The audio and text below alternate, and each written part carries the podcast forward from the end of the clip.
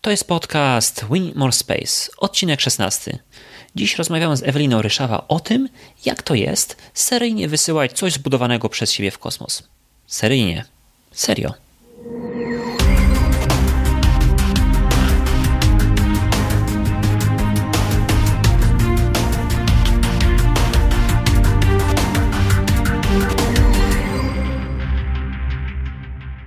Cześć, witaj w Wing More Space Podcast. Ja nazywam się Radek Grabarek i w tym programie rozmawiam z pasjonatami kosmosu, profesjonalnymi astronomami, inżynierami, naukowcami, którzy robią ciekawe rzeczy związane z kosmosem. Jeśli interesuje Cię astronomia, eksploracja wszechświata i loty w kosmos, ten podcast jest dla Ciebie. W tym odcinku podcastu rozmawiam z Eweliną Ryszawa, która pracuje jako inżynier mechanik w polskiej firmie Astronika przy szalenie interesujących projektach. To Ewelina składała penetrator KRET, który poleciał na Marsa na pokładzie sondy NASA InSight. Następnie brała ona udział w projekcie wysięgników i anten do misji Europejskiej Agencji Kosmicznej JUICE, która zbada lodowe księżyce Jowisza w poszukiwaniu życia. A na studiach przyczyniła się do sukcesu misji studenckiego satelity PWSAT-2. Więcej na ten temat znajdziesz oczywiście w odcinku numer 14 tego podcastu. A wszystko to Ewelina dokonała jeszcze przed swoją trzydziestką. W Polsce ogólnie mało realizuje się aż tak spektakularnych projektów, ale żeby móc w nich uczestniczyć po kolei w tak młodym wieku, to nie zdarza się często. Dlatego tym bardziej gorąco zapraszam do uważnego wysłuchania tego odcinka podcastu Win More Space. Witaj Ewelina w Win More Space Podcast. E, proszę przedstaw się, powiedz nam, e, jaki masz związek z kosmosem. E, cześć, jestem Ewelina Ryszawa. Mój związek z kosmosem jest e, bardzo już długi. W tym momencie jestem inżynierem mechanikiem e, w firmie Astronika. E, podczas studiów już zajmowałam się kosmosem, więc pewnie też o tym będziemy rozmawiać, ale no generalnie jestem inżynierem mechanikiem, który zajmuje się mechaniką kosmiczną. Mhm. I, I co robisz właśnie w Astronice? Mm, różne rzeczy. To jest, to jest plus takich małych firm, bo tak naprawdę to jest mała firma, to jest około 40 osób. E, że musimy być bardzo interdyscyplinarni, musimy być bardzo elastyczni i można się dużo, mm, wielu rzeczy nauczyć. Mhm. E, jak przyszłam do, do tej firmy, to e, zajmowałam się też między innymi integracją, teraz zajmuję się testami, przygotowaniem do testów, w międzyczasie też design. Jest dużo różnych rzeczy, które trzeba zrobić, więc to jest mhm. bardzo fajne. I można się naprawdę dużo nauczyć. I też dzięki temu poznać, co chcesz robić, tak? No bo możesz spróbować wielu rzeczy i zobaczyć, co ci najbardziej odpowiada. Mhm.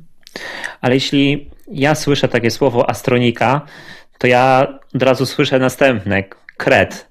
I ty, i ty y, zajmowałaś się takim właśnie y, małym, niepozornym narzędziem, y, które poleciało na Marsa. O co w tym w całym zamieszaniu z kretem chodzi? E, tak, no to jest misja NASA InSight. E, KRET, który, to jest tak, KRET to jest część e, innego, czy większego urządzenia, większego instrumentu, nazwanego HP3.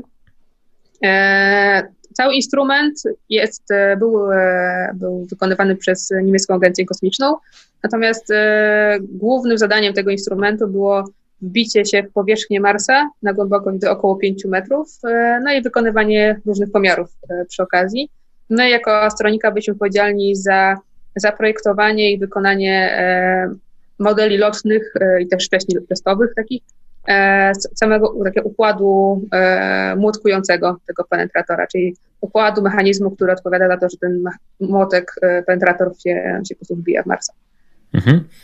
A skąd taki design tego instrumentu na zasadzie, dlaczego to, to nie było na przykład wiertło, dlaczego to jest młotek? E, dlatego, że to jest e, instrument, który służy do. W ogóle to jest, zacznijmy od tego, że to ciekawa misja pod tym względem, że to jest pierwsza misja marsjańska, która ma za zadanie tak naprawdę e, zbadać ewolucję Marsa, ewolucję tej planety. To jest jakby wszystkie instrumenty, które są na pokładzie, tak naprawdę służą do tego, aby lepiej poznać historię Marsa, jak on ewoluował, co jest w środku, z czego się składa, jak wygląda o, tyle, o ile to jest możliwe oczywiście e, za pomocą takiej misji, nie wygląda prawdopodobnie e, jądro tej planety, więc e, głównym, no tak, zacznijmy od tego, że to główny, głównymi instrumentami to był sejsmograf, który bada trzęsienia Ziemi na Marsie, czy są takie jak na Ziemi, trzęsienia, trzęsienia Marsa. ciężko powiedzieć, trzęsienia ziemi na Marsie. A drugi instrument najważniejszy to jest właśnie HP3, czyli ten mechanizm bijający.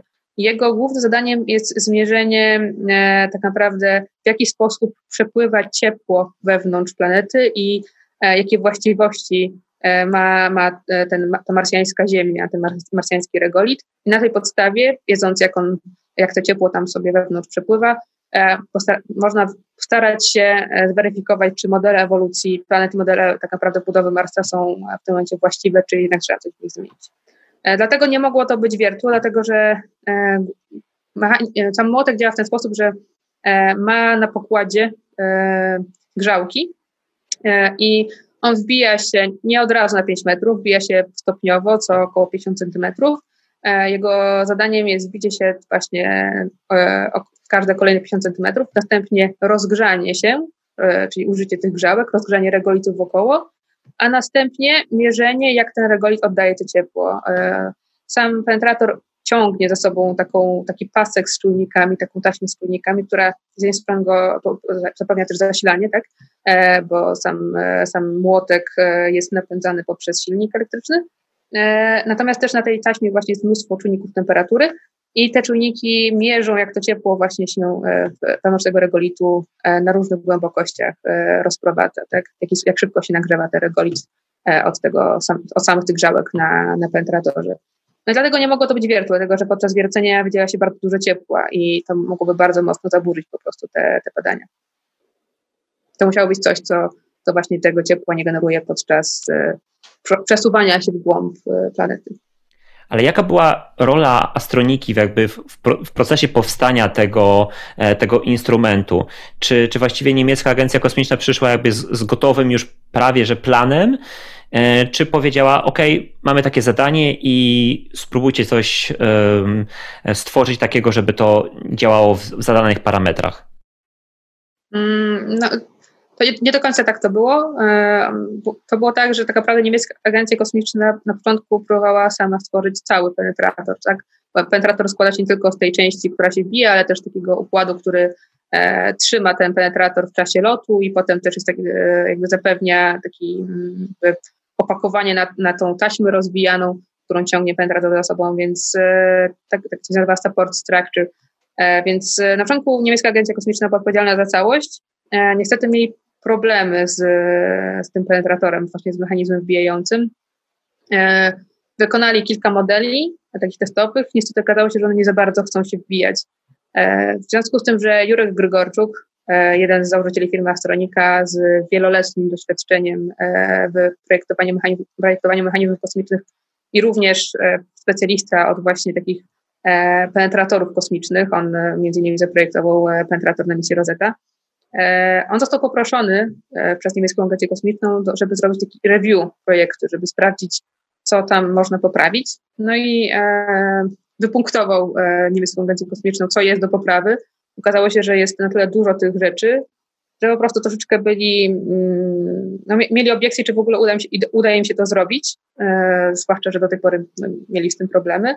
E, no i w związku z tym e, ostatecznie projekt trafił do nas, w sensie do Astroniki, do firmy Astronika, po prostu Niemiecka Agencja Kosmiczna zleciła e, firmie Astronika, w której właśnie Jurek był współzałożycielem i pracował jako główny inżynier, żeby ten mechanizm przeprojektowała, tak żeby on odpowiednio działał, do jakby już istniejących też częściowo elementów penetratora, dlatego że no to już był na tyle zaawansowany etap projektu, że nie można było na przykład zmienić gabarytów tego, tego penetratora, ani tak naprawdę nie można było e, zmienić no, podstawowych rzeczy, takich na przykład no, zasilanie, tak, to już było od dawna zdefiniowane, więc musieliśmy jakby się pasować w to, w te wymagania, które już były nam narzucone z góry. Znaczy zawsze są oczywiście jakieś wymagania narzucone z góry, natomiast no, tym razem to było e, no, dużo bardziej jakby ograniczone. E, no i przeprojektować w ogóle w super szybkim okresie czasu, w super szybkim czasie, okresie czasu, tak. E, dlatego, że od momentu, kiedy ten projekt że przyszedł do, przyszedł do Astroniki, e, minęło chyba około trzy miesiące do wyprodukowania pierwszego poprawionego tego modelu działającego, tak? Był taki troszkę uproszczony model, nie do końca zrobiony jeszcze tak jak lotne, no ale już, już działał, tak? Już były zrobione z nim pierwsze testy, okazało się, że wszystko wygląda bardzo obiecująco, no i e, potem były już e, modele lotne. Ja od razu mówię, że ja tego nie projektowałam, e, nie było mnie wtedy jeszcze w astronice, więc nigdy nie, nie chcę sobie tego przypisywać, to w ogóle jest dzieło głównie Jurka Grygorczuka i, i mojego kolegi z astroniki Łukasza Wiśniewskiego, oni bardzo dużo, też jeszcze wielu innych inżynierów oczywiście, oni tak naprawdę najwięcej przy tym designie zrobili. Ja dołączyłam do projektu już w późniejszej fazie, kiedy to już był piąty model w takim standardzie lotnym robione, dlatego że to nie jest też nie jest tak, że e, robimy jeden jakiś testowy i potem już od razu lotny. To tak nie działa. E, trzeba też e, wykonać modele zapasowe lotne, czyli takie, które można wykorzystać w razie, jakby się coś tam nie udało jeszcze podczas testów na Ziemi, na przykład komuś upadło na podłogę i się rozbiło.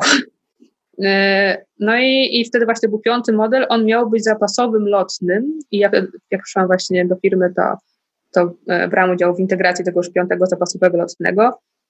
E, model czwarty to był model lotny i on e, już miał polecieć, no ale okazało się w międzyczasie, że główny instrument, czyli sejsmograf, ma duże problemy. To jest francuski instrument, który, który miał bardzo duże problemy i okazało się, że po prostu nie będą w stanie skończyć tego instrumentu przed planowaną datą startu. To było w 2016 roku.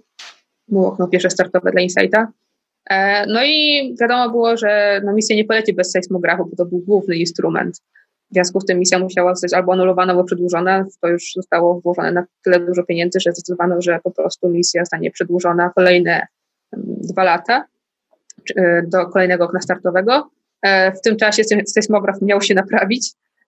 No i myśleliśmy, że to jakby nas to bardzo nie dotyczy, ale dosyć szybko okazało się, że jednak niemiecka agencja kosmiczna mm, poprosiła nas o dodatkowe dwa modele jednak też e, właśnie tego mechanizmu wbijającego, dlatego że ze swojej strony też chcieli skorzystać z okazji i coś poprawić po swojej, swojej części penetratora, no ale żeby móc to zakwalifikować i żeby móc w ogóle to, to zrobić, no to potrzebowali jeszcze dodatkowych dwóch mechanizmów wbijających, e, czyli jednego lotnego, e, taki, który miał właśnie polecieć, nowe, no, sam jak poprzednie, tak, natomiast no, nowy model, e, a drugiego takiego zapasowego i, takiego, i on też miał być, e, służyć do, do takich testów e, wcześniejszych, tak, Także ten zapasowy lotny mieli włożyć do, do swojego nowego designu, sprawdzić, czy on na pewno dobrze działa. On miał być w razie czego zapasowym lotnym, a ten e, lotny lotnym miał być lotny.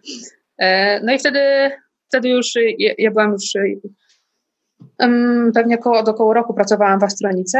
Um, no i w związku z tym, że brałam udział właśnie w tym piątym, w integracji tego piątego modelu, no to też byłam zaangażowana jeszcze bardziej w, w te kolejne. E, no te, te ostatnie dwa modele to już jest szósty i siódmy, mm, tak naprawdę w większości właśnie składałam ja i, i Łukasz Wiśniewski, tam jeszcze oczywiście wielu inżynierów innych z astroniki. E, Łukasz był jakby kuratorem takim mechanicznym od integracji tego, natomiast on e, e, miał, dostał fajną możliwość wyjazdu na staż do NASA. To było, wyjechał jakoś na początku stycznia, znaczy na przełomie roku 2016-17 E, z tego co pamiętam, jeżeli mnie w pamięci myli. No i wtedy po prostu ten projekt jakby, można powiedzieć, że przypadł mnie, to znaczy ja już byłam odpowiedzialna za e, końcową integrację tego modelu lotnego, tak, bo, bo po prostu Łukasz musiał wjechać do Stanów, e, jako że ja byłam powiedzmy, że drugą osobą najbardziej zaangażowaną w tamtym momencie w projekt, e, no to ja e, już jakby go dokończyłam. Życie nie sama. Ale czy dla tych osób, które jakby nie są zaznajomione z terminologią e, inżynierską, e, integracja oznacza po prostu składanie fizycznie tego tak, czegoś, co, nad tak, czym to, pracujesz. No tak, dokładnie. To chodzi o, o, to, że mamy już gotowe, znaczy gotowe. No też jest, to, tak naprawdę moją rolą było e, jakby też zapanowanie nad też wykonywaniem tych części. Znaczy ja ich fizycznie nie stałam przy tokarce i nie toczyłam, natomiast no, odpowiadałam za to, żeby po prostu częściej były wykonane zupełnie jakością przez naszych poddostawców, e, że inspekcje, wszystkie, wszystkie papiery są ok, tak, i potem e, wszystkie na powłoki też są różne powłoki, które się nakłada ze względów trybologicznych, czyli tarcie dwóch elementów o siebie, tak, żeby było wszystko ok w porządku, tam dużo rzeczy się porusza w takim mechanizmie, więc E, też koordynacja tego, potem te części spływają, trzeba robić właśnie wszystkie takie inspekcje, sprawdzać, czy to wszystko jest takie wykonane w odpowiedni sposób, odpowiednią jakością, no i na końcu idzie się do roomu i żmudnie się to składa, to jest e, tak naprawdę to jest wiele tygodni składania, bo to nie jest takie proste, to musi być super czyste, e, trzeba też często robić przerwy, dlatego że trzeba na przykład czekać, żeby klej trochę wysechł, zanim się przejdzie do kolejnej operacji, wszystko jest oczywiście z najwyższą jakością, zgodnie z procedurami. Każdy krok w składaniu to jest krok w procedurze, który trzeba wypełnić, który zwykle po jednych, dwóch krokach jest jakiś pomiar, czy coś trzeba zmierzyć, ten pomiar zapisać, upewnić że wszystko jest w porządku, więc to, no to jest kilka tygodni. Jeden taki mechanizm, to już byliśmy naprawdę obcykani w tym i już to już wśród model, więc już wszystko powiedzmy, że wiedzieliśmy, też procedury były super e, szczegółowe i dokładne, no to e, składaliśmy w około 3 miesiące i to było super szybko. E, to jest naprawdę super szybko.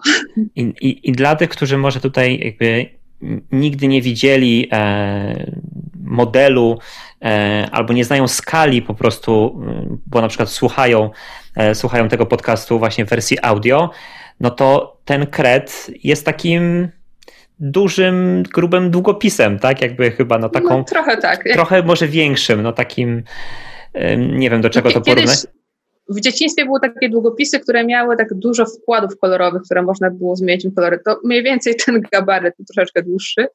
E, średnica to jest około 2,5 cm, długość około 25 cm całego kreta, więc e, to nie jest duża rzecz, no ale jest e, bardzo dużo elementów w środku, też bardzo małych niektórych, które trzeba bardzo precyzyjnie zintegrować. Często też no jest bardzo dużo problemów jakichś takich przy integracji wynikających z samej specyfiki po prostu tej części, części że no, trzeba bardzo uważać przy jakichś na przykład różnego rodzaju jakichś nitowaniach, żeby te nity były idealnie roznitowane, kąty były super, potem po każdym kroku inspekcja pod mikroskopem z różnym powiększeniem, żeby mieć pewność, że to wszystko jest odpowiednio zrobione naprawdę długo to trwa. Jeszcze przy okazji zawsze był e, inżynier z NASA, który patrzył nam na ręce podczas tej integracji, zwłaszcza podczas integracji tego lotnego, żeby upewniał się, że wszystko jest w porządku, zadawał dużo też. Znaczy to też różnie było, bo to byli różni oczywiście inżynierowie. Ale to oni się zmieniali. No. Ale ten inżynier był fizycznie u was w tak, firmie, czy, czy tak, po prostu tak, jakaś tak na Zoomie, że tak powiem, po prostu ogląda nie, nie, sobie nie, streama. To, to, nie, to tak nie działa. Nie, to oni e, e, przylatywali do nas regularnie, znaczy zmieniali się oczywiście, tak? To nie było tak, że jedna osoba była z nami mm, przez całe kilka miesięcy, ale zmieniali się. Kilku inżynierów było jakby, e, którzy byli jakby przypisani do naszego projektu i patrzyli nam na ręce, czy my wszystko dobrze integrujemy. Podobnie było zresztą z sejsmografem, tak? Tam u nas siedział jeden z tych inżynierów, drugi siedział we Francji e, razem z instrumentem SPICE i patrzył tam im na ręce, więc e, to było też. E, czy to nie było aż tak bardzo stresujące, bo to byli w ogóle bardzo sympatyczni ludzie i ja bardzo dobrze ich wszystkich wspominam i naprawdę. No, mm, bardzo dużo się nauczyliśmy od nich. To, to jest na pewno wielki plus dla nas i taki dużo, mocno się przyczyniło też do podniesienia jakości generalnie u nas w firmie, no bo e, na co dzień nadal mało firm w Polsce ma do czynienia jednak z ekspertami z NASA, więc e, to też trochę inna jest um, specyfika pracy niż z Europejską Agencją Kosmiczną. Więc to było też ciekawe um, poznanie. Zobaczcie, jak to tam od ich strony wygląda. No i, i zawsze patrzyli nam na ręce, przyjeżdżali regularnie. E, były, były śmieszne czasem sytuacje, bo zwykle to jakoś, nie wiem czemu, ale zwykle składaliśmy te mechanizmy jakoś w okresie jesienno-zimowym. I jeden właśnie z tych inżynierów z JPL-u, e, Greg. Taki miał po tysiące e, inżynier, Latynos, on całe życie mieszkał w Kalifornii i akurat spadł śnieg i to był drugi raz w życiu, kiedy on widział śnieg. Nie pamiętam jego podekscytowanie i wysyłał MMS-y do inżyniera, który był w Paryżu i wymieniali się MMS-ami, bo tam też spadł śnieg i to było takie wydarzenie wielkie, więc też no, były bardzo sympatyczne takie wspomnienia E, naprawdę bardzo, bardzo dobrze to wspominam. Mhm. No to teraz zrobiliśmy taki wspaniały, długi wstęp, taką, taką uwerturę po prostu do, do tego pytania, które musiało tutaj paść. I dla tych wszystkich, którzy słyszeli już o sądzie Insight i o Krecie, e, spodziewają się tego pytania na pewno. Mianowicie, to dlaczego się nie wbijał? Odpowiedź jest prosta. Jest to wina Marsa. E, znaczy tak naprawdę no, wina Marsa, no trochę tak, to znaczy no jest trochę, trochę inaczej wygląda na miejscu sytuacja niż się spodziewaliśmy, tak naprawdę spodziewali się naukowcy, którzy wybierali miejsce lądowania, e, dlatego, że żeby kret mógł się wbić, no to potrzebne jest starcie o, o ten regolis, tak, o budowę ten regolit, nie, on nie wbija się w próżnię. Jeżeli nie ma tego tarcia, tego regolitu o ścianki penetratora, to on nie jest w stanie się wbijać. E, założenia podczas wyboru miejsca do lądowania były takie, że tam właśnie jest ta e, warstwa takiego regolitu, który jest sypki, on będzie się bez problemu osypywał, kret się bez problemu będzie wbijał. Zresztą też kret się wbijał w taki mm, symulator regolitu marsjańskiego na Ziemi. Były takie testy w Bremie w Niemczech bez problemu na 5 metrów. Natomiast no, okazało się na miejscu, że niestety trochę sytuacja jest inna e, i tak naprawdę ten regolit jest bardziej trochę jak mówić, pumex, czyli jest, e, podczas bijania tworzy się dziura, która jest większa niż średnica penetratora i ten grunt tak naprawdę się aż tak nie osypuje i nie zapewnia tej, tej siły, e, tej reakcji od podłoża, która jest potrzebna do wbijania penetratora.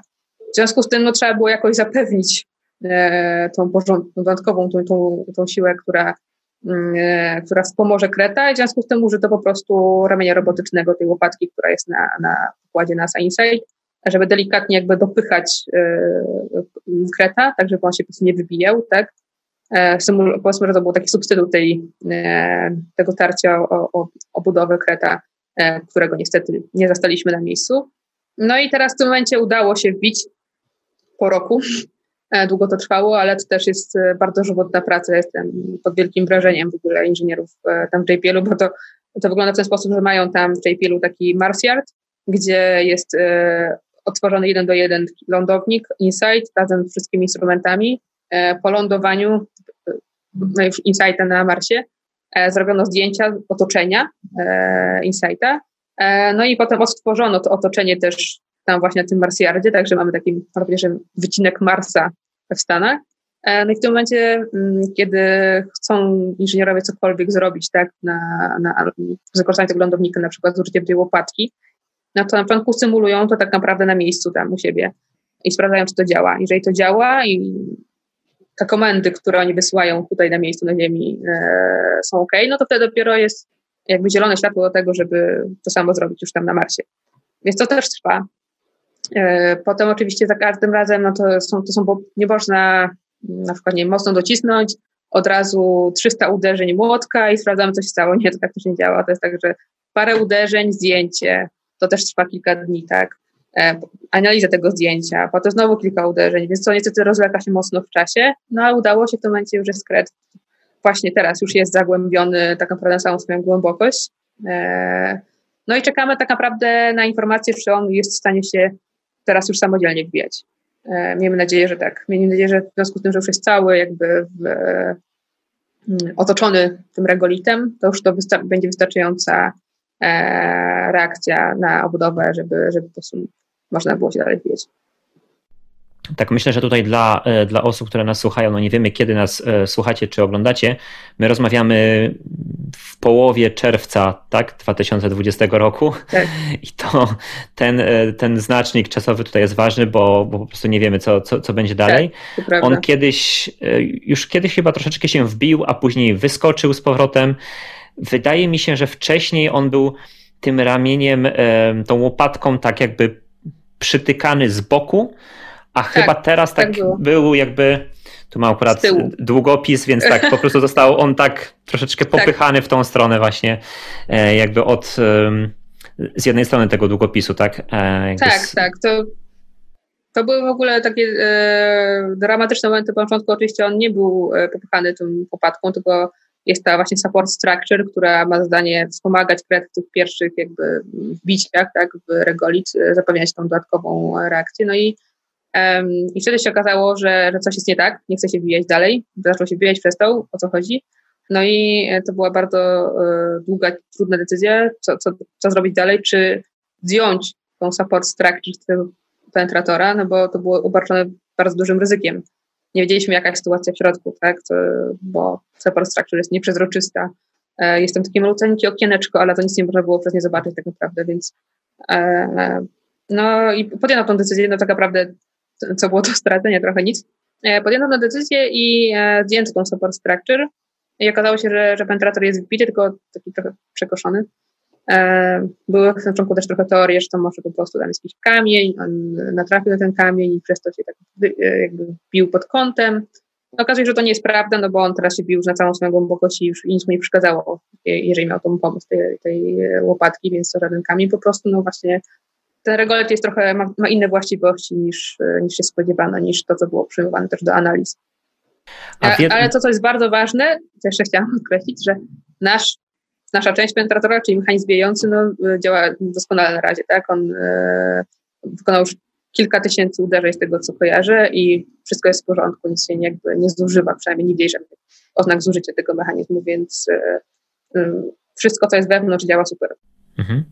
A wiedząc teraz to, co wiemy teraz, e, jak by trzeba było przeprojektować całe to urządzenie, żeby, żeby nie było tych problemów, które mamy? E, no tak, w dużym skrócie. W dużym skrócie pe pewnie trzeba byłoby przeprojektować tą support structure, tak żeby ona po prostu w tej pierwszej fazie wbijania zapewniała po prostu większą tą e, siłę, tą reakcję dla penetratora, że można sobie wyobrazić, że może na przykład jakaś dodatkowa, dodatkowa sprężyna, która dopycha tak mocniej jeszcze penetrator, żeby on po prostu w tej pierwszej fazie miał zapewnioną tą dodatkową jakby podtrzymanie, tak? E, to pewnie by, by znaczy myślę, że to na pewno by mogło, tak? No, no ale w tym momencie już jest za późno. E, wiem, że byłaś e, także na starcie rakiety Atlas V, która, która wyniosła Insighta w kierunku Marsa. No powiedz, powiedz nam jakby jak się czułaś, jak się czułaś i co czułaś, widząc coś, co jakby sama zrobiłaś i co leci w kosmos? No tak, to, to, to było niesamowite e, uczucie, chociaż nie do końca to widziałam niestety, bo była straszna mgła i było, to była noc, więc e, niestety bardzo dużo nie zobaczyłam. E, więcej poczułam, bo, bo jednak e, mimo, że staliśmy w dosyć dużej odległości od miejsca startu, to, to jednak e, silniki Atlasa mają takiego kopa, że można tak było poczuć. E, natomiast no, no, dla mnie to było nie tylko przeżycie. Ja w ogóle tam mm, poleciałam prywatnie, tak? Dla mnie to jak e, wiedziałam, że jest taka możliwość, dano zna, nam znać, że jako jakby osoby, które tam brały udział przy, przy budowie e, instrumentów na Insighta, no to możemy sobie, jeżeli chcemy przylecieć, no to możemy e, mieć taką wejściówkę na taki start i możemy tam w tym uczestniczyć. Więc jak się o, o, tym dowiedziałam, no to oczywiście od razu mm, się pozjarałam, bo pomyślałam, kurczę, kiedy będzie kolejna okazja, że coś, co ja zrobiłam, będzie leciało na Marsa, albo w ogóle będzie leciało. Znaczy, wtedy wiedziałam już, że Pegasus kiedyś pewnie poleci, mimo że to się też odsuwało w czasie, ale nadal, no to było, to miał, miał być pierwszy jakby mój instrument, y, przy którym pracowałam, y, który leciał, więc dla mnie to było bardzo istotne, żeby jednak to zobaczyć. Y, niektórzy na przykład pracują nad misjami niektórymi pół życia, tak, i, i, i muszą, muszą czekać 15 lat E, na taki start, więc dla mnie to było, czułam, że to jest taka szansa, e, która mi się trafia i dlatego tam poleciałam. No, e, bardzo mocno to przeżyłam tak osobiście w takim sensie, że no to jest to jednak trudne do opisania, tak też po, po czasie, tak, po dwóch latach, ale no jakby sama ta świadomość, że to, co tam jakąś małą cegiełkę dołożyłeś do, do zrobienia czegoś, właśnie startuje, siedzi sobie na takiej e, kupie żelastwa, która właśnie będzie startowała i w ogóle będzie, rozwinie takiej prędkości i będzie leciała przez pół roku w stronę Marsa i za chwilę wyląduje na tym Marsie, tak, znaczy za chwilę, za pół roku. E, potem będzie i to, co zrobiłeś, będzie na innej planecie, no to, to było niezwykłe doświadczenie i e, e, no bardzo się cieszę, że tam byłam. To, to na pewno. E, znaczy w ogóle Kalifornia jest super, E, więc polecam wszystkim, jak już się skończy pandemia, to warto zobaczyć.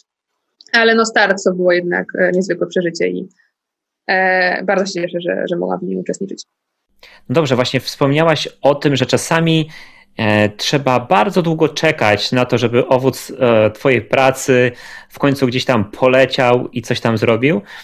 I no właśnie w tej chwili teraz e, pracujesz nad taką misją, która no, nie poleci tak szybko i inaczej nie dotrze e, do swojego mm, miejsca przeznaczenia e, tak szybko jak Insight. Więc e, co to jest za misja i jaki jest w niej Twój udział? E, tak, no to jest misja JUICE, to jest e, bardzo duża e, sonda kosmiczna budowana przez Europejską Agencję Kosmiczną, której jest celem jest dotarcie do E, w okolicy Jowisza, po to, żeby zbadać właśnie kilka księżyców Jowisza, na których teoretycznie możliwe, że istnieje życie, przynajmniej e, są warunki, które mogą mu sprzyjać, więc e, bardzo ciekawy cel. Mm, no i tak, ta misja rzeczywiście będzie leciała bardzo długo, bo start jest zaplanowany w tym momencie na 2022 rok, a mm, dolecą, e, znaczy doleci sama sonda do e, Księżycu Kiewisza około 2030, więc no dosyć długo. Już e, wolę sobie nie wyobrażać, jakby nie, nie liczyć, ile będę miała wtedy lat. E, natomiast tak, e, ja przy tym, w tym momencie przy tej misji no, pracuję przy instrumentach, które robimy w Astronice. E, w Astronice robimy dwa instrumenty na tą misję.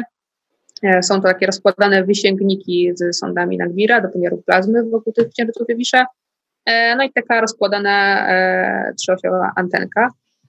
Ja głównie mm, w tym projekcie zajmuję się przygotowaniem kampanii testowych i testami urządzeń generalnie, różnych wszystkich modeli od takich wstępnych do tych lotnych.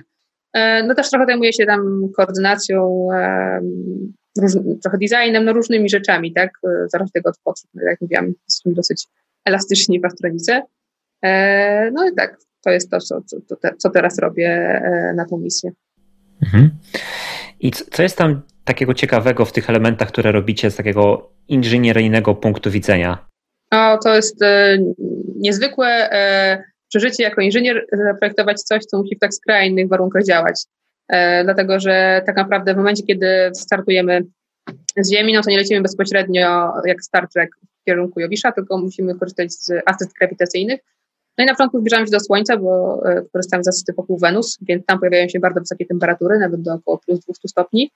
E, a potem no, zmierzamy w kierunku Jowisza. Tam w cieniu już e, Jowisza mamy w ogóle bardzo niskie temperatury, bo to już są e, takie kriotemperatury do minus 220 stopni Celsjusza.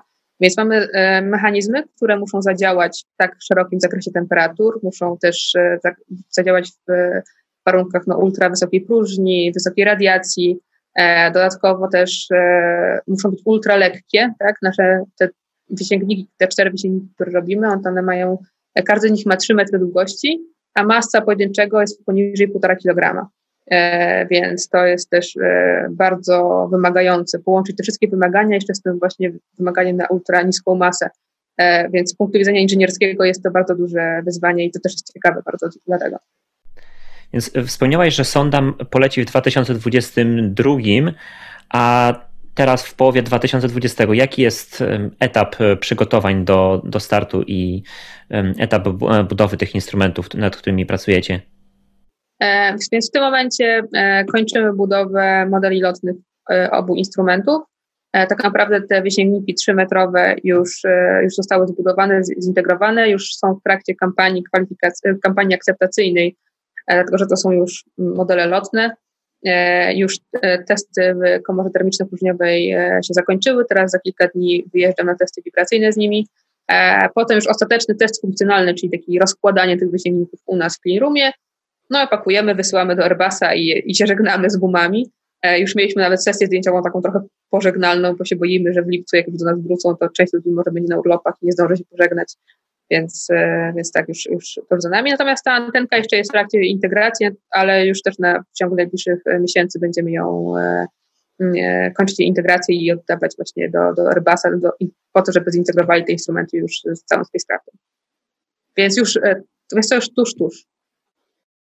A jak, jak się testuje coś takiego, um, taki instrument, który no, musi rozłożyć się w próżni, i w jakiejś zupełnie innej temperaturze niż ta normalna, po prostu pokojowa, e, po prostu od tak w laboratorium? Mm, I tak i nie. E, to jest skomplikowane, głównie ze względu akurat w tym przypadku ze względu na wielkość tego instrumentu, dlatego że no najlepiej byłoby tak naprawdę zrobić taki pełny, e, taki właśnie otwarcie takiego boomu w komorze termiczno-próżniowej, w warunkach wysokiej próżni, w niskiej temperaturze, bo to zwykle jest najgorszy przypadek. No ale do tego trzeba mieć olbrzymią komorę. E, olbrzymią mam na myśli taką e, mniej więcej 3 na 2,5 metra minimum, ale tak naprawdę nawet większą, żeby mieć jakiś margines. Takie komory są, istnieją, ale są tak bardzo drogie, jakby koszt zrobienia takiego testu Mm, przewyższałby budżet całego naszego projektu. E, bo i te testy też trwają bardzo długo, więc e, tutaj musimy się niestety posiłkować powiedzmy taką mieszaną kampanią. Mm, to znaczy e, robimy częściowe otwarcie, testujemy takie, można powiedzieć, skrócone częściowe modele w mniejszych komorach próżniowych. Natomiast robimy pełne takie otwarcie tych boomów całych zintegrowanych już u siebie właśnie w laboratorium, w roomie na takich specjalnych e, stołach antygrawitacyjnych, po to, żeby jak najbardziej wyeliminować wpływ grawitacji właśnie na, na otwieranie się takiego wysięgnika. Mm, takie stoły, ten stół to co naprawdę jest bardzo płaska, dobrze wypoziomowana, gładka powierzchnia, mm, której tak, tak naprawdę e, można powiedzieć, że toczy się nasz instrument, dlatego że ma e, zainstalowane takie łożyska toczne, e, małe, sferyczne, na których się e, porusza. E, są takie różne systemy na otwieranie tego, na przykład czasem takie wyciągnięcie otwiera się na mm, balonach z helem, czyli podwiesza się te poszczególne segmenty takiego wysięgnika na balonach z helem i się otwiera. Zresztą taki jest wielki wysięgnik na JUSie, nazywa się Magbum e, i on właśnie w ten sposób był testowany, no ale nasze, nasze właśnie wysięgniki nie mogą być tak testowane, bo ich e, otwieranie się jest bardzo, bardzo dynamiczne te balony po prostu by nie dały rady, one dawałyby na tyle duże siły i poczne, że tak zaburzałoby to otwieranie, że, że nie, nie miałoby sensu. Robiliśmy zresztą takie próby i to, to zupełnie nie wychodziło. A no dlatego się tak szybko otwiera, bo nie mogliśmy stosować żadnego rodzaju tłumików czy y, silników ze względu na po prostu ograniczenie masy. No i, i to wszystko jakby właśnie jest takie naczynia połączone, tak? Ale udało się stworzyć jakąś taką inną metodę, która też całkiem fajnie działa, więc e, i daje radę. I tak właśnie to robimy. To ja tutaj mam taką propozycję, e, że gdybym ja, gdybym ja pracował w Astronice, to by i przy projekcie Juice, to bym, jak, jak wystartuję, to bym położył taką e, taki zegar po prostu z podobizną tego osła ze Shreka i po prostu z tym, z napisem daleko jeszcze i tak to od, odli... odliczanie. tak. doskonały pomysł. Musimy no bo, to zrobić. No bo, no bo wiesz, właśnie ten, wydaje się, że na Marsa leci długo, nie? O, 6 miesięcy. No jak tu ma lecieć 8 lat, no tak. to tak, tak, tak, tak. tak. No, dużo się w ogóle może w międzyczasie wydarzyć. Jest ciekawe. Mm -hmm. No dobrze, ale właśnie um, to nie jest też przecież tak, że od razu e, tuż po studiach e, zajęła się o tak e, robieniem kretana Marsa albo właśnie instrumentów, które polecą na Jowisza. Przed tymi wyzwaniami był jeszcze projekt studencki, satelita PWSat-2, no i, i ogólnie działalność w studenckim kole astronautycznym. Powiedz, jak to się zaczęło i co, co tam robiłaś? E, tak. E, w ogóle e, historia, e, może e, zacznę od początku. Historia zaczęła się tak, że jako dziecko bardzo lubiłam astronomię i bardzo mnie to interesowało i w ogóle uwielbiałam książki o ewolucji planet, gwiazd i mogłam sobie rozmawiać z moją nauczycielką przyrody bardzo długo o tym. W międzyczasie dorosłam, mm, trochę nie sądziłam, że mogę to robić. Przez, przez jakiś czas, znaczy zawsze wiedziałam, że chcę robić techniczne rzeczy, E, ale przez jakiś czas w liceum jak byłam, myślałam, że po prostu to będzie inżynieria lądowa. E, no ale pod koniec już liceum, jak trzeba było wybrać ostateczny kierunek studiów, stwierdziłam, że to jednak jest za nudne, znaczy za nudne. Oczywiście to jest bardzo, to jest ciekawa też dział, dział inżynierii, natomiast ja nie, nie czułam, że to jest to, co chciałabym robić, tak? Nie czułam, że e, projektowanie budynków, czy zastanawianie się, ile tam zbrojenia trzeba gdzieś włożyć w ścianę, to, to nie jest to, co po prostu mi kręci. No i wróciłam znaczy, do marynnictwa. Kto... Znaczy, przepraszam, tak, ale wydaje mi się, że wszyscy, którzy będą słuchać e, tego, tego wywiadu, raczej na 120% zgodzą się, że woleliby robić coś, co poleci na Marsa, niż obliczać no normy tutaj, do, do budowy. E, znam też takie osoby, które e, są tak zajarane właśnie taką civil engineering, że, że myślę, że mogłyby tutaj się kłócić z tym. Natomiast no nie, ja w ogóle nie czułam, że to jest to, co chcę robić. E, no i, i stwierdziłam, że jednak e, wrócę do tych marzeń z dzieciństwa i, i kosmonautyka. Wtedy kosmonautyka była e, na jednym wydziale w Polsce, to był Wydział Mechaniczny Energetyki i Lotnictwa, więc oczywiście tam złożyłam papiery, dostałam się, no i zaczęłam studia. I oczywiście mm, Politechniki na, Warszawskiej. Tak, Politechnika Warszawska. studia wyglądają tam w ten sposób, że na pierwszym roku w ogóle nie ma podziału na mm, kierunki, to znaczy już jest się przypisałem do kierunku, ale wszystkie przyjęty cały pierwszy rok ma wspólny. Czy nie wiem, czy tak teraz jest, tak, było za moich czasów. No i dopiero potem się wybiera, znaczy wybiera, dopiero potem w pierwszym roku jest podział na te przedmioty kierunkowe, a dopiero po drugim roku jest wybór specjalności. I właśnie są, jedną z specjalności jest kosmonautyka na kierunku lotnictwa. Więc poszłam to lotnictwo, no i oczywiście wcześniej nie wiedziałam, że istnieje takie koło jak studenckie koło astronautyczne. Dopiero będąc na uczelni się dowiedziałam, że ono istnieje. Tam była też moja koleżanka z roku, zaczęła działać. No i ja pomyślałam, kurczę, jestem na pierwszym roku, nic nie umiem, zupełnie nic. E, co ja tam będę robić? Nie będę tam się pchać w ogóle. No ale ona mnie zachęciła, że ej, chodź, tam naprawdę jest fajnie, e, nie ma co czekać, już zacznijmy od pierwszego roku. No i trochę e, mnie jakby tak mm, pomyślałam w sumie, czemu nie, mogę spróbować, ale myślałam, że nic nie umiem, naprawdę nic nie umiałam. No i właśnie w ten sposób pojawiają się w kole, w studenckim kole astronautycznym.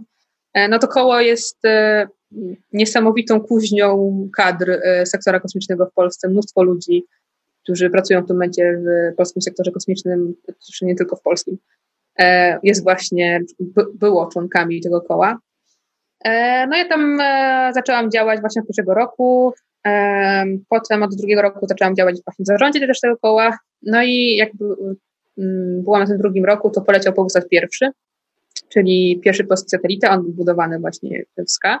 No ja nie miałam z nim za bardzo do czynienia, bo jak ja przyszłam do koła, tak naprawdę projekt już był, e, ku, chylił się ku końcowi wreszcie, e, więc nie miałam okazji przy nim pracować. Natomiast e, od razu wiedzieliśmy, że chcemy robić kolejnego.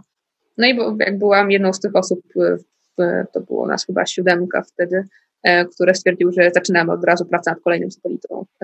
No i tak narodził się Pobusat drugi, przy którym miałam spędzić 2-3 lata, bo tyle miał trwać ten projekt. Trwał 6 i jeszcze się nie skończył, bo nadal, lata, więc też, też zawsze, zawsze projekty kosmiczne się przedłużają. Nie tylko studenckie, ale studenckie tym bardziej. No i tak, i, i właśnie od tego się zaczęło. Ja w, tam w Pobusacie Zostałam koordynatorem zespołu mechanicznego, czyli zespołu, który e, odpowiada za, odpowiadał za e, całą mechanikę na całym satelicie i też za główny eksperyment, czyli za żagiel orbitacyjny. No i przy tym projekcie, znaczy to jest w ogóle najlepszy projekt, ja zawsze to mówię i, i wszędzie, i wobec, i wiem, że będziesz rozmawiał z inną Dominikiem, na pewno powiedzą ci to samo. E, to jest, no to jest wspania, wspaniali ludzie, wspaniały zespół, to jakby, ja uważam, że to jest niesamowite szczęście, że zebrała się taka grupa ludzi, która to pociągnęła i, i przez całe te sześć lat y, wszyscy byliśmy na maksa zmotywowani i nie odpuściliśmy, tak, bo były takie zespoły w naszym projekcie, y, w których y, jeżeli jedna osoba by odpuściła, to w ogóle cały projekt by się zapalił, głównie te zespoły związane z elektroniką. Więc y, no, przy tym projekcie się niesamowicie wszyscy nauczyliśmy dużo, ale też mieliśmy okazję po prostu poznać ludzi, między innymi, tak, bo, bo bardzo dużo osób z tego projektu dostało pracę e, właśnie dlatego, że pracowało w tym projekcie, bo były firmy, które się interesowały projektem, chciały na przykład coś tam wysłać e, na pokładzie albo żeby dołożyć swoją cegiełkę i e, w ten sposób poznawały osoby z projektu i na przykład proponowały pracę, tak, no to też byłam, w ten sposób dostałam pierwszą moją pracę w firmie Kreotech. Mm, no, przez sześć lat nauczyliśmy się mnóstwo, zarówno też o inżynierii systemowej, i też mnóstwo w samej właśnie pro, projekcie w ogóle kosmicznym, ale i o integracji na takim naprawdę wysokim poziomie, bo w pewnym momencie tak naprawdę w Polsce, wiem, że to głupio zabrzmi, bo to jednak studenci i niektórzy cały czas mają takie wrażenie, że jak studencki projekt jakaś taka zabawa, a nie nic poważnego, ale prawda jest taka, że y, przez kilka y, lat y, nasz zespół E, był pierwszy, e, jedyny w Polsce, który zrobił projekt od momentu definicji misji do wystrzelenia. I w sumie chyba nadal tak jest, bo większość projektów to są projekty, w których e, definicja misji i wymagania są już z góry zdefiniowane i, narzucone, tak? nawet przecież w satelitach LEM czy Chweli już tak było podobnie, więc a my tutaj wymyśliliśmy od początku do końca, co jest główną misją satelity, cała, cały baz, czyli jakby E, struktura i tak podstawowa elektronika i tak dalej była przez nas zaprojektowana, więc to wszystko e, od, od zera e, zrobiliśmy sami, bo też przykro mi to mówić, ale na Politechnice wielkiego wsparcia merytorycznego nie, nie udało się uzyskać, oprócz kochanego doktora Kusznierewicza, Zbyszku pozdrawiam, to jest doktor z Wydziału Mechatroniki, który był z nami prawie już od pierwszego dnia, to był nasz taki dobry duch zespołu mechanicznego, był w sumie chyba ja, ja opuściłam może dwa spotkania zespołu mechanicznego i on chyba nie opuścił ani jednego. E, niesamowity człowiek i zawsze nas wspierał i e, tak, no to no bardzo dużo udało nam się nauczyć też. Dowiedzieliśmy się dużo e, o samym e, organizacji projektu, zarządzaniu, więc wszystkie osoby, które jakby wyszły z tego projektu mają bardzo szeroki zakres wiedzy i umiejętności, więc e, naj, najlepszy projekt pod słońcem. No i tak naprawdę dzięki niemu dostałam każdą z moich prac w życiu, które dostałam, więc e, dzięki temu tak naprawdę e, jestem tu, gdzie jestem. Mhm. Czy będziemy mieć też osobny odcinek podcastu dedykowany tylko i wyłącznie PWSAT-owi, więc jeśli słuchacie tego teraz wywiadu, to po prostu spójrzcie na, na listę innych epizodów podcastu Winning More Space i tam powinien wcześniej, przed tym odcinkiem pojawić się też odcinek jeszcze e, z PWSAT-em, e, więc tam będzie więcej na ten temat. Natomiast e, ja Ciebie jeszcze chciałem zapytać o to, mm, o taką radę dla tych wszystkich, którzy słuchają teraz i na przykład chcieliby pójść w Twoje ślady i też realizować takie mm, ciekawe misje. Bo i na czym, na czym polega ten problem? Tak? Ja, ja, uważam, że y, wielu jest y, absolwentów, y, świetnych absolwentów, wielu świetnych polskich politechnik, ale niekoniecznie oznacza to, że oni realizują takie ciekawe, tak ciekawe projekty, jak ty realizowałaś. Więc na czym polega, na czym polega ten sekret? E, też bym chciała wiedzieć. Znaczy, tak naprawdę wydaje mi się, znaczy też jest ciężko mm, doradzać, każdy ma jakąś tam inną swoją historię, tak? Na pewno dużo w niej jest też szczęścia jakiegoś osobistego, czy pojawiania się w odpowiednim czasie, w odpowiednim miejscu. Natomiast na pewno, e, jeżeli ktoś jest studentem uczelni takiej technicznej e, i jest e, zainteresowany kosmosem i chciałby w przyszłości robić ciekawe projekty, to naprawdę zachęcam, żeby się zaangażować w czasie studiów w projekty studenckie. Jest ich mnóstwo teraz. E, na wielu uczelniach w Polsce teraz tworzyły się jakieś kierunki związane z kosmosem i też dużo kół naukowych z tym związanych, które robi niesamowite projekty. Mm, więc bardzo, bardzo polecam robić to już na studiach. Tak naprawdę e, no na studiach dostałam tą wiedzę teoretyczną, e, nie będę się z tym kłóciła. To, to jak dużo jej teraz wykorzystuję w pracy, już jest inna kwestia. Natomiast samą wiedzę na temat e, projektów kosmicznych i specyfiki projektów kosmicznych, jak to się robi, no dowiedziałam się tego w kole naukowym i to była moja przewaga, tak, nad e, koleżankami, kolegami w moim wieku, którzy tego nie mieli, tak.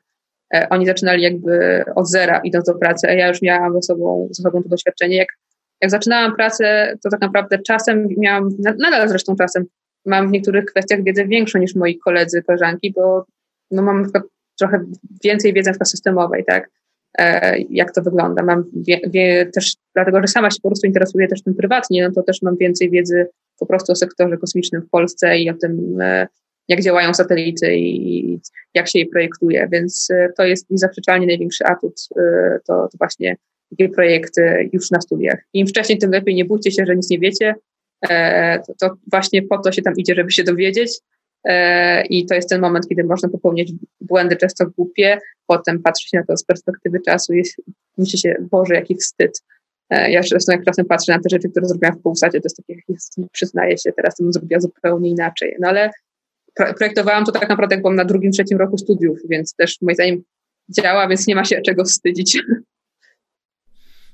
E, super, a właśnie a propos, a propos projektowania... Hmm wymyślania rzeczy, że tak powiem, od, od, od zera, to jestem naprawdę ciekaw tego, e, co mi powiesz. E, wyobraźmy sobie, że masz możliwość zaprojektowania od zera jakiejś misji, która gdzieś poleci w układ słoneczny, tak? I gdzie ona by poleciała i, i co by robiła? W ogóle to jest moje marzenie, żeby móc zaprojektować misję. Już nie, że, całą, że nie wie, po prostu. Tak, znaczy nie chodzi, że całą, ale po prostu właśnie to faza definicji misji i e, zdefiniowanie tych podstawowych parametrów i, i, to już jest, to jest moim zdaniem największy fan w tym wszystkim. E, znaczy oczywiście nie jedyne, są też w innych etapach też są e, bardzo ciekawe rzeczy, ale to, to jest coś, co mnie chyba najbardziej jara. Więc już nawet pomijając tą destynację, to, to w ogóle zaprojektowanie e, czegoś od zera, to już jest super. Ale jeżeli chodzi o misję, e, dokąd bym chciała, to e, taką mam anegdotkę. Jak miałam, nie wiem, pewnie ze 12 lat, coś takiego, e, miałam taki sen. Czy generalnie są osobą bardzo mocno wstąpiającą po ziemi, racjonalną i, i żadne oczywiście znaczenia słów nie wierzę, po prostu e, dosyć dobrze ten sen odzwierciedla to, co bym chciała zrobić. Śniło mi się, że lecę w kosmos, e, lecę na misji, która ma zadanie, zadanie dolecieć do krańców Układu Słonecznego.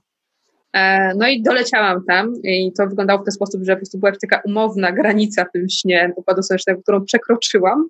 I w momencie, kiedy przekroczyłam, a mój statek kosmiczny przekroczył tą granicę, to nagle e, straciłam kontakt z bazą i, i był pamiętam taki szary taki ekran, e, jak w telewizorach starych. I, i, i pamiętam, że byłam wtedy taka zestresowana, bo byłam zdana sama na siebie w jakiejś takiej czerni przestrzeni kosmicznej. I tak naprawdę to jest chyba to, co bym chciała zrobić, tak? Misja do właśnie niezbadanych krańców Układu Słonecznego, bo tak naprawdę bardzo mało wiem na ten temat.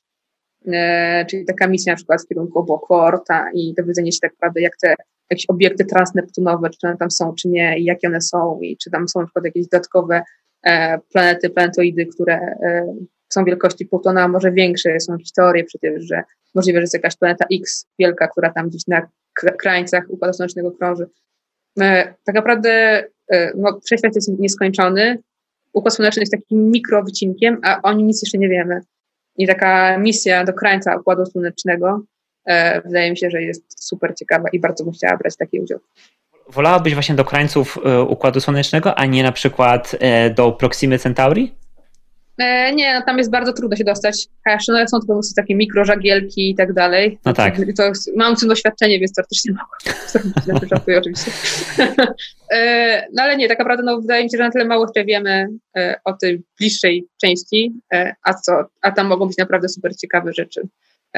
Znaczy, zresztą wydaje mi się, że tak naprawdę no, mm, zawsze dla mnie ważniejsze jakby od tych ciekawych rzeczy z punktu widzenia mechaniki było to, e, to ta ciekawość jakby eksploracji.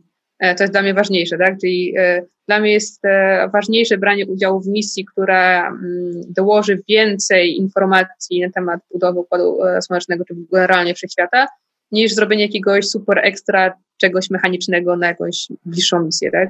Mhm. Czyli na przykład jakbym miała zaprojektować jakiś super mechanizm na jakiegoś satelita telekomunikacyjnego, to a miałam wybór robić misję do krańców Układu Słonecznego, na której miałabym po prostu, e, nie wiem, e, z, zbudować, zaprojektować klocek aluminiowy, to wolę ten klocek aluminiowy niż, niż super jakiś układ na jakiegoś satelitę na nawet na, nie wiem, na orbitę stacjonarną, tak?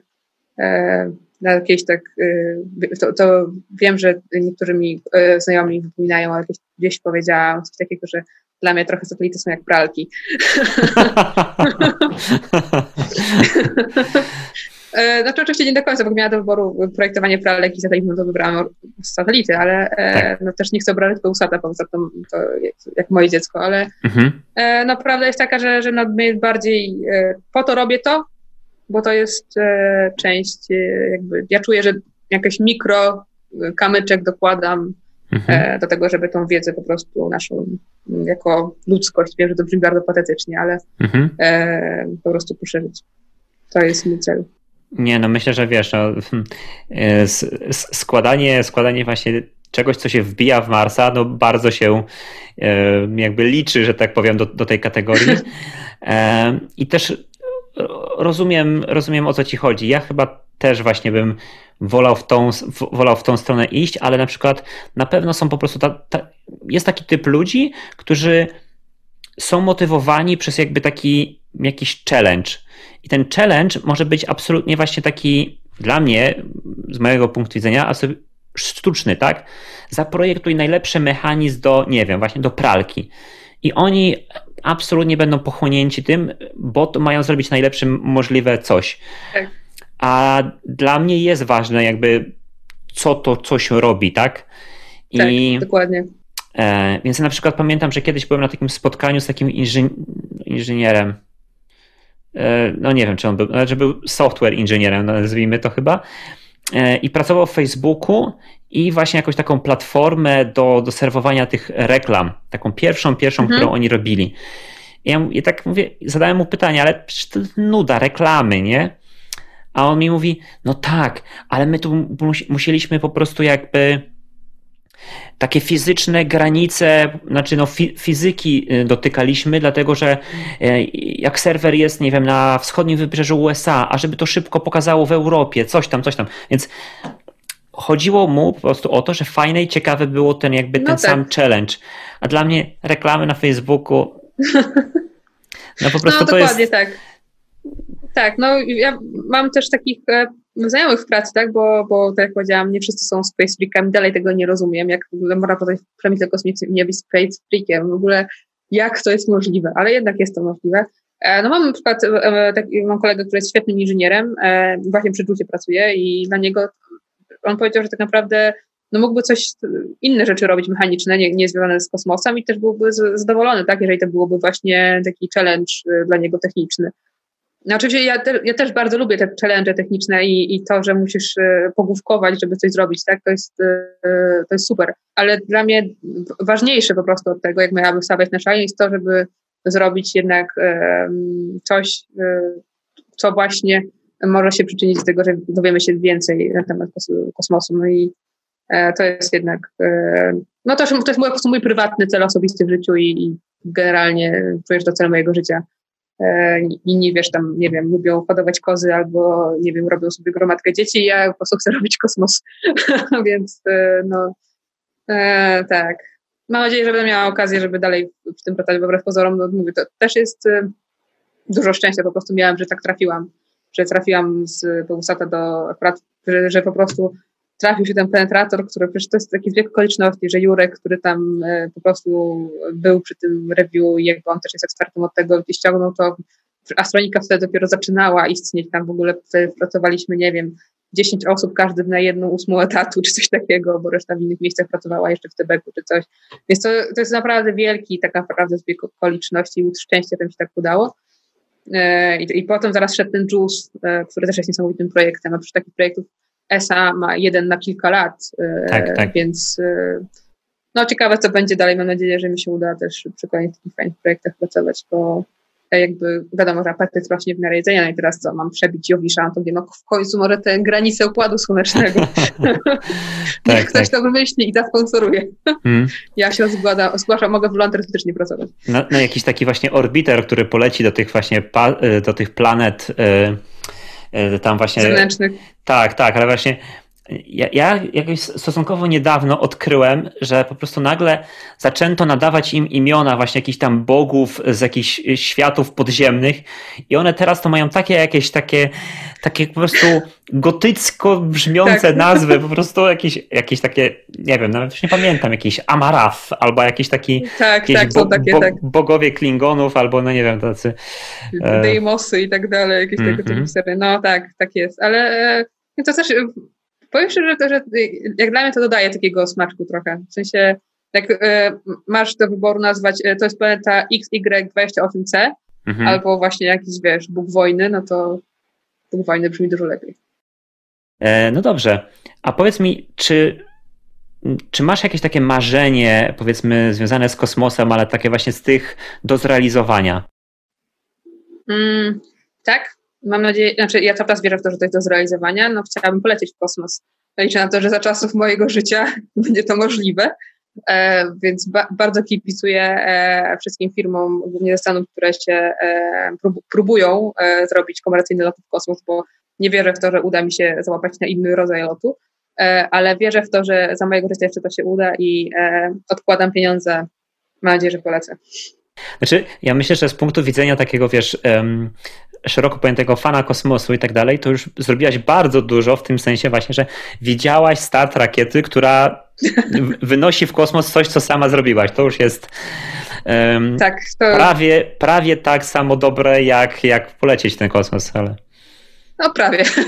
znaczy, e, lepsze od tego jest jednak to, że wylądowało na Marsie. To, to to moim zdaniem jest całkiem spoko. E, czy tak. gdybym poleciała na Marsa, to mogłoby to przebić. To się zgadzam. Ale, oczywiście, oczywiście. Ale jak na niską orbitę, to trzeba byłoby tutaj na wagę położyć, zastanawiać się, ale mam nadzieję, że po prostu będę miała kiedyś okazję, żeby się zastanawiać. Mhm. No właśnie, a propos lotów w kosmos, to jak uważasz, gdzie powinni polecieć, gdzie powinniśmy wysłać astronautów najpierw? Na, na Księżyc czy na Marsa? Trudne pytanie, też nie jestem od tego ekspertką, ciężko mi powiedzieć.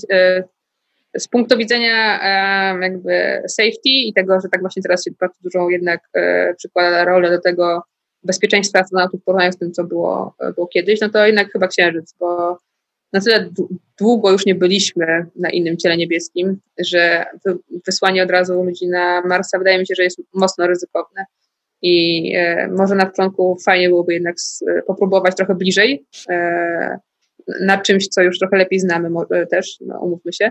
Więc e, wydaje mi się, że jednak chyba Księżyc. E, nie, nie jestem aż taką dużą fanką takich nagłych skoków e, wydaje, zwłaszcza jeżeli chodzi o no, życie ludzi, tak? Jeżeli są, to są roboty, no to oczywiście jak najbardziej mogę już teraz, jeżeli ktoś, kto ma taką moc sprawczą, od dzisiaj mogę projektować misję ku krańcowi Układu Słonecznego, jestem do tego gotowa, zrobić taki skok, ale wysyłać ludzi tam, no nie, więc chyba jednak Księżyc. Mhm. No właśnie, bo jesteś nie tylko fanką jakby tutaj tej eksploracji kosmosu i, inżynierem, który jakby do tej eksploracji się przyczynia, ale też jesteś fanką um, szeroko pojętego science fiction. E, powiedz mi, jakie są twoje ulubione nie wiem, filmy, książki, e, oprócz tych, no nie wiem, najbardziej oczywistych może właśnie, czyli e, Interstellar i Marsjanin? E, bardzo lubię serial The Expanse. E, znaczy, gra aktorska jest średnia, ale sama fabuła e, jest naprawdę moim zdaniem ekstra i, i bardzo polecam to. E, są tam takie czasem technicznie, z technicznej strony rzeczy, które no, niekoniecznie do mnie przemawiają, ale e, sam, sama idea tego i serialu i właśnie intryga, można powiedzieć, fabuła jest, jest niesamowita, więc bardzo polecam ten serial pod tym względem. Nie patrzcie po prostu na grę aktorską. A, a coś jeszcze oprócz tej Expanse? Mm, tak, wiesz co, bardzo lubię był bardzo fajny serial The Astronaut's Wives Club. E, też była książka taka. E, czyli serial o żonach astronautów e, z misji e, Apollo i wcześniejszej misji e, NASA.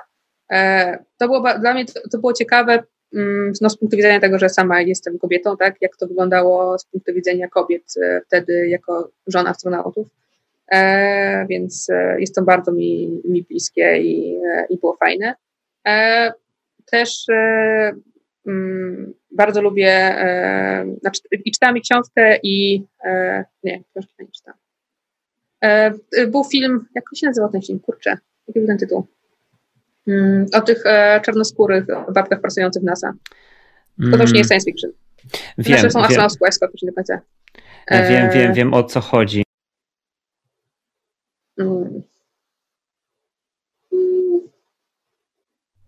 Mm. Tytuł, tytuł, mi, tytuł mi wyleciał, ale e, podlinkujemy w, w, w opisie tego, no do tego odcinka e, tak, po prostu. To, to, to, akurat nie jest science fiction, zresztą tak jak mówię, The Astronaut's Wife też nie jest science fiction, to się wydarzyło naprawdę, to jest jakoś tam trochę fabularyzowana historia po prostu. E, no ale tak, to też było, to jest dla mnie e, to tyle ważny film, że e, pokazuje e, z czym kiedyś musiały się jednak zmagać kobiety inżynierowie w przemyśle kosmicznym Umówmy się, teraz już jest zupełnie inna sytuacja, no ale można jakieś analogie jeszcze znaleźć niestety, e, więc też e, było dla mnie bardzo interesujące. Okej, okay, super. E, dziękuję Ci bardzo, bardzo za ten wywiad. Mam nadzieję, że, że spotkamy się i porozmawiamy jeszcze wcześniej, zanim, zanim Juice doleci do, do, do Jowisza i wtedy opowiesz o, o kolejnych super ciekawych projektach, których będziesz, których będziesz częścią. Dzięki za zaproszenie i za możliwość opowiedzenia o tych projektach. Mam nadzieję, że słuchacze się trochę zainspirowali i będzie więcej space freaków w tym przemyśle, bo niektórzy nie są space freakami, dalej tego nie rozumiem, ale mhm. mam nadzieję, że to się zmieni.